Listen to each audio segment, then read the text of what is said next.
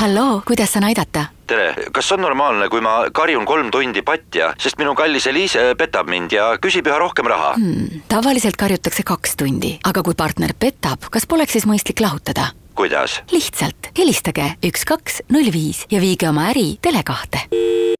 kuku raadios välja öeldud seisukohad ei pea ühtima Kuku raadio seisukohtadega. Te kuulate Kuku raadiot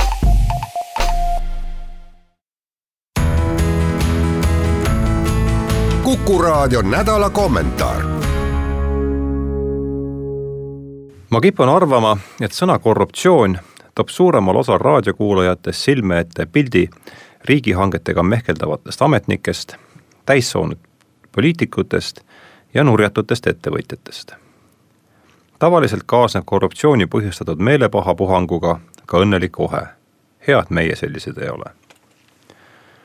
ühe läänemaist elukorraldust vast kõige enam mõjutanud õpetuse järgi ei ole aga korruptsioon mitte üksnes partei ja majandusaktiivi olemuslik atribuut, vaid hõlmab kogu ühiskondlikku püramiidi, sealhulgas siis ka meie armast ilmarahvast. nimetatud doktriini tekkelugu viib meid Euroopa impeeriumi loojangu aega. neljasaja kümnendal aastal Rooma linnast läänekvootide eest põgenenud kristlik vaimulik Pelagius uskus et põhimõtteliselt võib igaüks meeleparanduse kaudu jõuda lunastuse ja pääsemiseni. Pelagiuse arvates oli patt lihtsalt inimese vale moraalse valiku tagajärg, mida on seetõttu võimalik järgnevate sammudega heastada. paremaks muutumiseks ei vaja inimene muud armu kui jumalalt saadud loomulikku mõistust ja valgustatust. mis selles kontekstis aga kõige olulisem, kuivõrd pattu langemine on tahtevabaduse tagajärg siis ei saa Pelagiuse arvates mingil juhul rääkida vastsündinute patususest.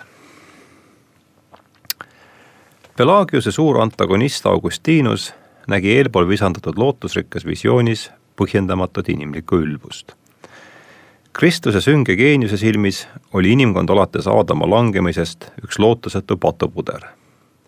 himuruse ja sugulise paljunemise teel ülekantavast Aadama süüst ei pääse seetõttu ka rinnalapsed kelles Augustinus nägi saatana jäsemeid. päris patust, mida iga, iga inimene kannab endas otse kui pärilikku vaimuhaigust, saab meid parandada ainult äravalitutele osaks saav jumala arm. me ei tohi Pelagiuse kombel oletada, manitseb Augustinus, et Jumal on õiglane inimesele arusaadaval moel. Jumala õiglus on sama arusaamatu kui tema mis tahes teine omadus. inimese ideed õiglusest on kui kaste kõrbes meie maapealsed kannatused on tunnistuseks Jumala õigusemõistmisest, äravalitute pääsemine kõneleb tema halastusest, mõlemad koos näitavad tema headust. kui Pelagiuse jaoks olid kristlased isa eestkoste alt vabanenud täiskasvanud inimesed, kes suutsid tema juhiseid iseseisvalt ellu viia, siis Augustinus nägi inimkonnas Jumalast täiel määral sõltuvat abitut imikut.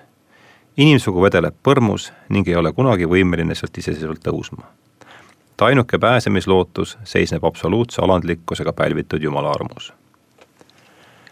Briti kirjamees Paul Johnsoni sõnul oli Augustinuse täielik võit Pelagiuse üle oluline teetähis tolleaegse vaimulaadi ümberhäälestamisel antiigi teorõõmsalt optimismilt keskaja letargilisele passiivsusele. Seesama mees, kes kuulutas nii kindlalt Jumala armastust ja vabastavat kohalolu omaenda elus tunnistas ühtlasi sellise mõjukusega, mis pole lääne kristluse traditsiooni kunagi täiesti vabaks lasknud, päris patust rikutud inimhinge sünnipärast orjastatud, orjastatust ja jõuetust, kirjutab Richard Tarnas oma suurepärases teoses Kirg lääne meelelaadis. enam kui tuhat aastat hiljem leiab suure Prantsuse revolutsioonipäevil aset põhjapanev pööre Augustinusest Rousseau suunas. romantilist elutunnet esindav Prantsuse filosoof väitis, et inimese olu-, inimese olukorra kitsaskohad ei kasva välja mitte sugulise sigimise teel edasikantavast pärispatust, vaid ühiskonnast. mistõttu looduslikus seisundis on elu vaba, sõltumatu, terve, õnnelik ja süütu. üksnes sellest romantilisest ja pastoraalsest idüllist lahkumine, see oleks justkui Aadama teistkordne patt, viib inimese välja õilsa metslase maailmast ning lükkab ta ebaõnne ja pahede teele. niisiis Augustinuse tuules omaks võetud paratamatus, et me elame päris patust läbi imbunud langenud maailmas, asendus üheksateistkümnenda sajandi künnisel valgustusfilosoofide arusaamaga ebatäiuslikust ühiskonnast. et patune maailm ja täiuslik ühiskond ei klapi kokku, siis pidas Inglise liberaalne riigimees John Morley pärispatu kontseptist lahtiütlemist täiesti õigustatult maailma sekulariseerimise võtmeks. tänapäeval kõlab, kõlab sõna patt ise juba arhailiselt ja tagurlikult. ent ometi kätkeb just see mõiste endas fundamentaalset oletust inimloomusest, millel on kaugeleulatuvad poliitilised tagajärjed. kui inimene ise on patune, siis on sellest omadusest nakatatud ka kõik tema loodud institutsioonid ning isegi riik ja valitsus ei suuda siin midagi olemuslikult paremuse poole muuta kui aga inimene on oma loomuselt hea ja õiglane ning meid ümbritsev närusus on vaid rõhuvate ühiskondlike olude tagajärg, siis on avatud tee inimkonna poliitilisele lunastusele. maapealsest paradiisist jääb meid alati lahutama vaid veel üks seadus, määrus, eeskiri, meede, ettekirjutus, juhis, näpunäide, veel üks reguleerimata valdkond, veel natuke riigi raha punalippude alla kogunenud kõikide maade revolutsionääride usk masside mõistlikkusse headusesse ning intellektuaalide võimekusse meid siinpoolse, siinpoolsesse paradiisi juhtida, tõukasid Euroopa möödunud sajandil kahte järjestikusse veresauna, milles kontinendi poliitiline ja kultuuriline liit pole siiani toimunud. veel paar põlvkonda tagasi vastandus eurooplaste patoloogilistele enesesüüdistustele ja pessimismile ameeriklaste enesekindel lootusrikkus Ameerika poliitikakommentaator Robert Kaplan on juhtinud tähelepanu paradoksaalsele asjaolule, et ameeriklased said endale lubada optimismi just seetõttu, et nende põhiseaduse kirjutasid mehed, kes mõtlesid traagiliselt.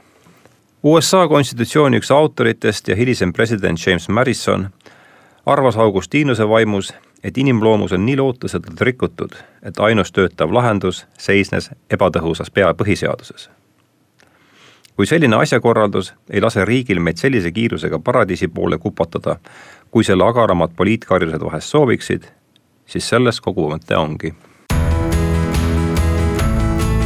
kuku raadio nädala kommentaar